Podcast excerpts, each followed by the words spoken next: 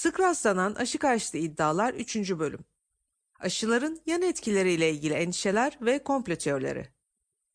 Yazan Işıl Arıcan 18 Mayıs 2019 Seslendiren Gökçe Tuncer 3. bölüm Aşıların yan etkileriyle ilgili endişeler. Elbette aşılar da her ilaç gibi az da olsa istenmeyen yan etkilere neden olabilirler. Gene her ilaç gibi kullanma kararı kişiye ve topluma sağlayacağı fayda ve vereceği zarar gözetilerek karar verilmeli. Aşıların en sık yan etkileri aşı bölgesinde ağrı, kızarıklık, şişme, bağ ağrısı, kas ve eklem ağrısıdır. Nadiren de olsa aşı içindeki veya üretim sürecinde kullanılan maddelere, örneğin yumurta, hassasiyet olan kişilerde alerji yapabilirler. Bu nedenle her aşının doktor gözetiminde yapılması önemli. Aşılar sonucu ortaya çıkan yan etkiler, tüm dünya ülkelerinde muhtemel düzenleyici kuruluşlar ve halk sağlığı birimleri tarafından takip edilmekte ve Dünya Sağlık Örgütü çatısı altında görev yapan Uluslararası Tıp Bilimleri Organizasyonları Konsülü bünyesindeki aktif aşı güvenlik izlem birimi tarafından takip edilmektedir.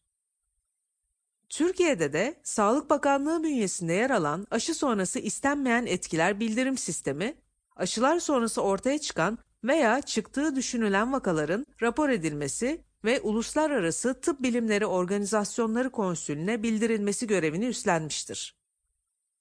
Ancak aşı karşıtı sitelerde sıklıkla bu tip takip edilen ve titizlikle incelenen yan etkiler listesinde olmayan asılsız veya abartılmış yan etkilere de yer verildiğini görüyoruz.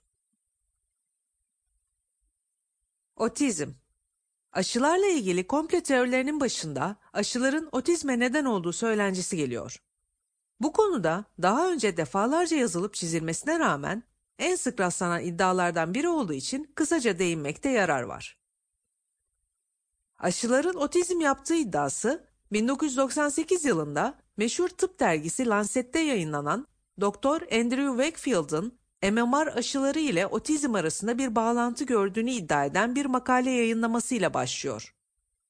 Wakefield, makalesinde MMR aşısı olan 12 çocukta aşılar sonrası bağırsak patolojileri gördüğünü ve bu çocuklarda otizm geliştiğini iddia etmişti.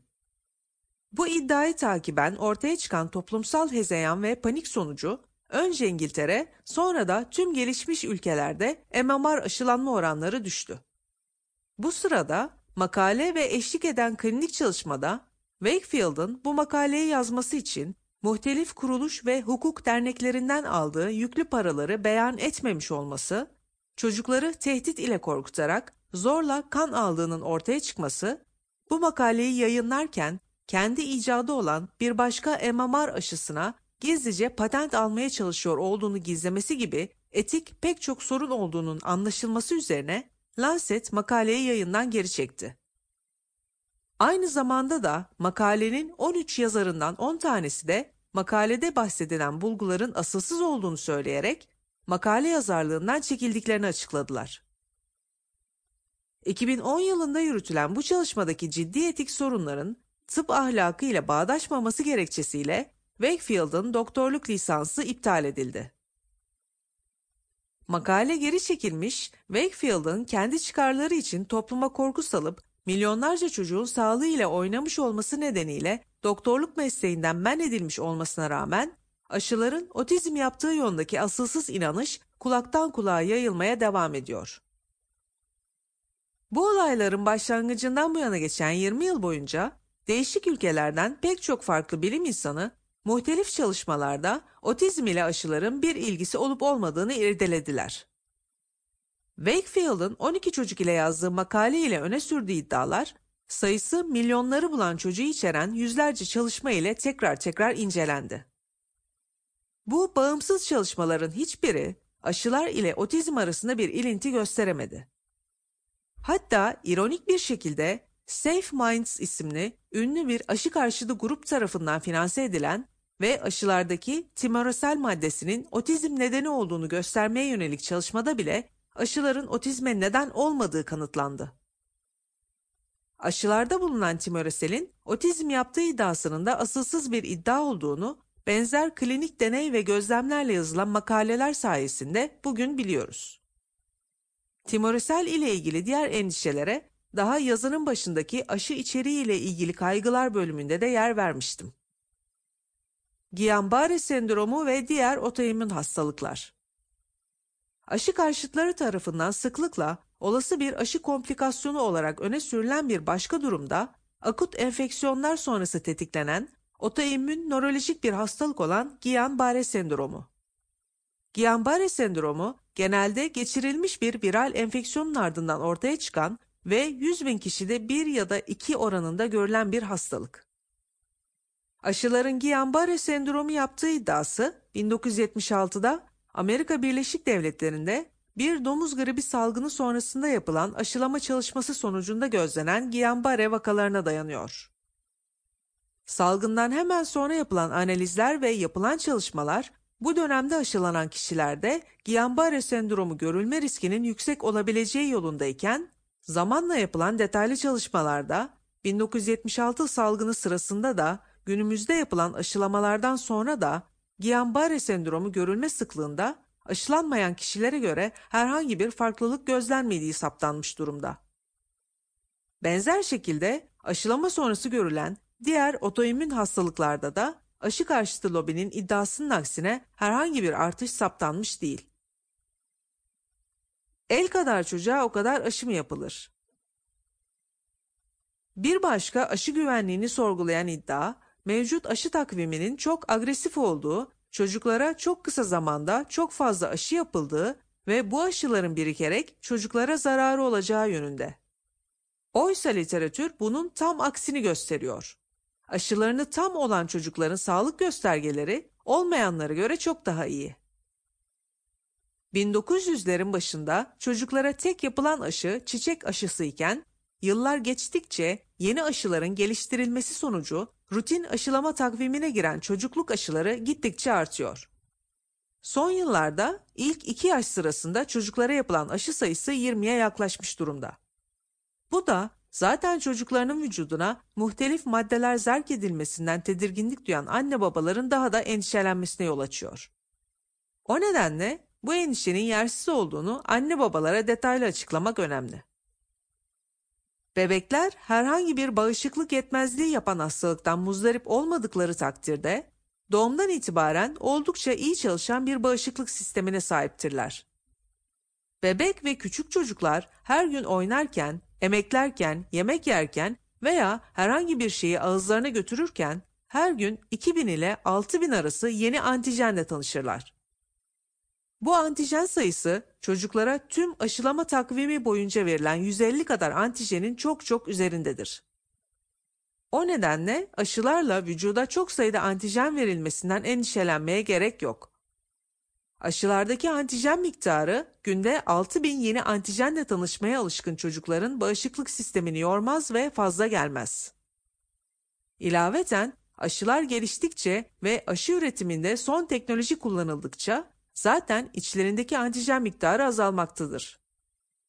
Bugün aşı takvimi çerçevesinde uygulanan 20 kadar aşının içindeki antijen miktarı 1960'larda uygulanan 5 aşılık takvimdeki antijen miktarının onda birinden az.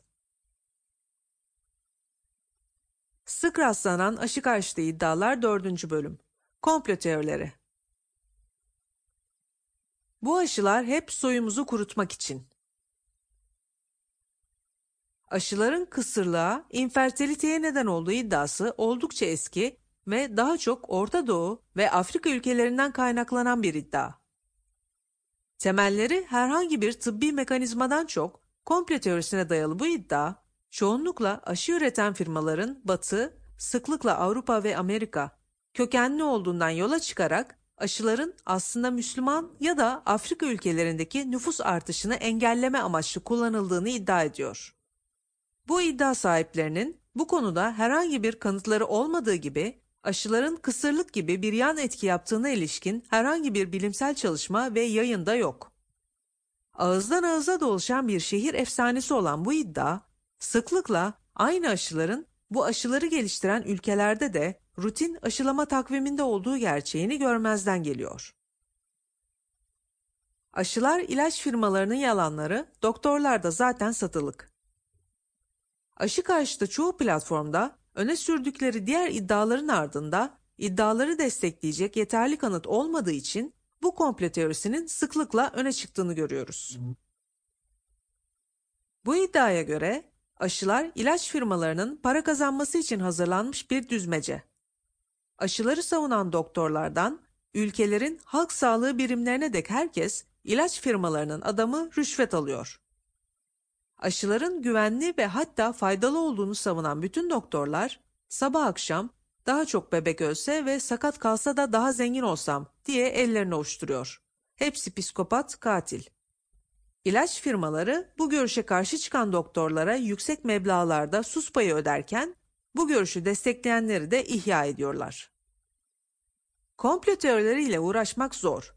Zira komplo iddiacıları hiçbir kanıt olmadan bu tip ithamları ortaya sürdükten sonra kanıt göstermeleri istendiğinde pişkin bir şekilde ellerinde kanıt olmadığını, zira ilaç endüstrisinin, devletin bu kanıtları hep örtbas ettiğini iddia edip işin içinden sıyrılabiliyor. Hiçbir kanıt yükümlülüğü olmayan kişilerce uydurulmuş bu iddiaların asılsız olduğunu kanıtlamak da bize düşüyor çoğunlukla. Bu komplo iddiasını bahsedilen komplonun ne kadar olası olduğunu sorgulatarak yanıtlamak en akla yakın yaklaşım sanırım. Öncelikle söylemekte fayda var.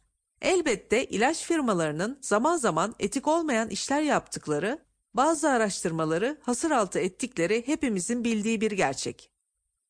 Zaman zaman haberlere konu olan bu olaylar eninde sonunda ya firma içinde çalışan biri ya da bu konuda araştırma yapan etik değeri yüksek idealist biri tarafından ortaya çıkarılıyor. Bazen de bağımsız bir kuruluş yaptığı teyit deneylerinde firma tarafından iddia edilen sonuçları bulmadığını açıklıyor. Böylece ilaç firmalarının foyası ortaya çıkıyor.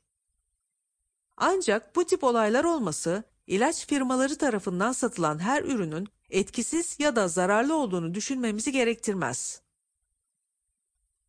Elbette dev bir sektöre ait olan ilaç firmaları aşılardan da diğer tüm ilaçlara göre daha az da olsa bir kar elde ediyorlar. Ancak bundan kazanç sağlıyor olmaları tek başına aşıların arkasında dev bir komplo olduğunu kanıtlamaya yetecek bir veri değil. Kaldı ki diğer ilaçların aksine aşı maliyetleri ve pazarı Dünya Sağlık Örgütü ve devletler tarafından oldukça sıkı bir şekilde denetleniyor. Ayrıca belirtmek gerekir ki aşı geliştirmek ilaç sektörünün tek elinde de değil. Bugün dünyada birçok akademik ve bağımsız laboratuvar belirli hastalıklar için aşı geliştirmeye uğraşıyor. Üstelik bu çalışmaları Küba'dan Amerika'ya ve Çin'e geniş bir sosyopolitik yelpazedeki coğrafyada görmek mümkün. Bu komplo iddiasını inanılır bulanlara üzerinde düşünülmesi gereken ilave sorular yöneltmek gerekli. Çocuklar aşılanmak yerine bu bulaşıcı hastalıkları geçirseler, tedavilerinde kullanılacak muhtelif semptomatik ilaçlar, antiviral, antibiyotik gibi ilaçlardan ilaç firmaları çok daha fazla kar etmez miydi? Aşıların güvenli ve etkili olduğunu tekrar tekrar gösteren, dünyanın sayısız ülkesinde yapılmış milyonlarca çocuğu içeren yüzlerce çalışma var. Bu çalışmaların hepsinin sonucu düzmece olabilir mi? Eğer öyleyse bunu sağlamak için kaç ülkede kaç kişiye ne kadar rüşvet dağıtmak gerekir? İlaç firmaları ekonomik olarak ne kadar güçlü olurlarsa olsunlar, bu kadar çok kişiye sus payı verebilmeleri matematiksel ve finansal olarak mümkün müdür? Dünyadaki muhtelif bilim merkezlerinin, tıp otoritelerinin, üniversite ve araştırma laboratuvarlarının, sayısız ülkedeki halk sağlığı bölümünde çalışan tüm personelin, milyonlarca hekimin, hastane çalışanlarının, araştırma görevlilerinin, akademisyenlerin, halk sağlığını iyileştirmek için kurulmuş Bill Gates Foundation ya da sınır tanımayan doktorlar gibi kuruluşlarının tamamının bu komplonun içinde olması mümkün müdür? Sayıları milyonları bulan bu kadar insan zararlı olduğunu bile bile kendi çocuklarının sağlığını hiçe sayıp aşıları savunup önermesi akla yakın geliyor mu? Bu kişilerin tamamına rüşvet verip susturmak için kaç para gerekir? Hatta herkesi bırakın, dünyanın en zengin insanı olan Bill Gates'i susturmak için ne kadar rüşvet gerekir? Diyelim ki bu rüşvetler verildi, bu insanlar arasında bir tane vicdanı temiz ya da sadece ünlü olmak isteyen insan yok mudur ki bu foyayı belgeleriyle ortaya çıkarsın? Eğer bu insanların hepsinin parayla satın alındığını ve bu yüzden sessiz kaldığını düşünüyorsanız, siz kaç paraya böyle bir bilgiyi öğrendikten sonra susardınız? Eğer dünyadaki hiçbir meblağ bu komployu öğrendikten sonra sizi susturamaz diye düşünüyorsanız, kendisi de birer anne baba olan milyonlarca sağlık çalışanının sizden daha az erdemli olduğunu nasıl varsayabiliyorsunuz? İnsan doğası gereği çoğumuz kendimizi önce bir şeye inandırıyor, sonra inancımızı teyit eden verileri dikkate alıyor, aksini gösteren verileri görmezden geliyoruz. Aşı karşıtı komplolarına bir kez kendini inandıran ebeveynlerde de sıklıkla bu kısır döngüyü gözlemliyoruz.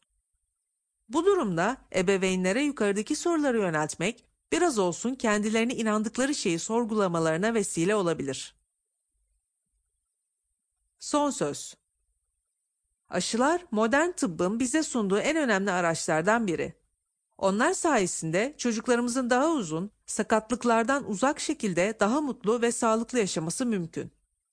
Ancak aşı karşıtı hareketin yükselmesiyle çocuklarımızı önlenebilir hastalıkların pençesine geri kaptırma riskiyle karşı karşıyayız.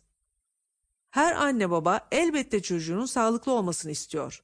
Ona en iyi şekilde bakmaya çalışıyor. Bu tip sorumsuz ve desteksiz söylemler ebeveynlerin içindeki korku hislerini harekete geçirerek onların bu asılsız iddialara ve komplo teorilerine inanmalarına neden oluyor. Etrafımızı saran aşı karşıtı bu bilgi kirliliğiyle savaşmanın yolu, aklı karışan anne babalara sabır ve anlayışla işin doğrusunu anlatmaktan geçiyor. İşte bu nedenle toplum ve çocuk sağlığı ile profesyonel olarak ilgilenen hekimlerden sorumluluk sahibi anne babalara dek hepimizin bu iddialara aşina olması ve iddialarının aslının ne olduğunu az çok bilmesi önemli.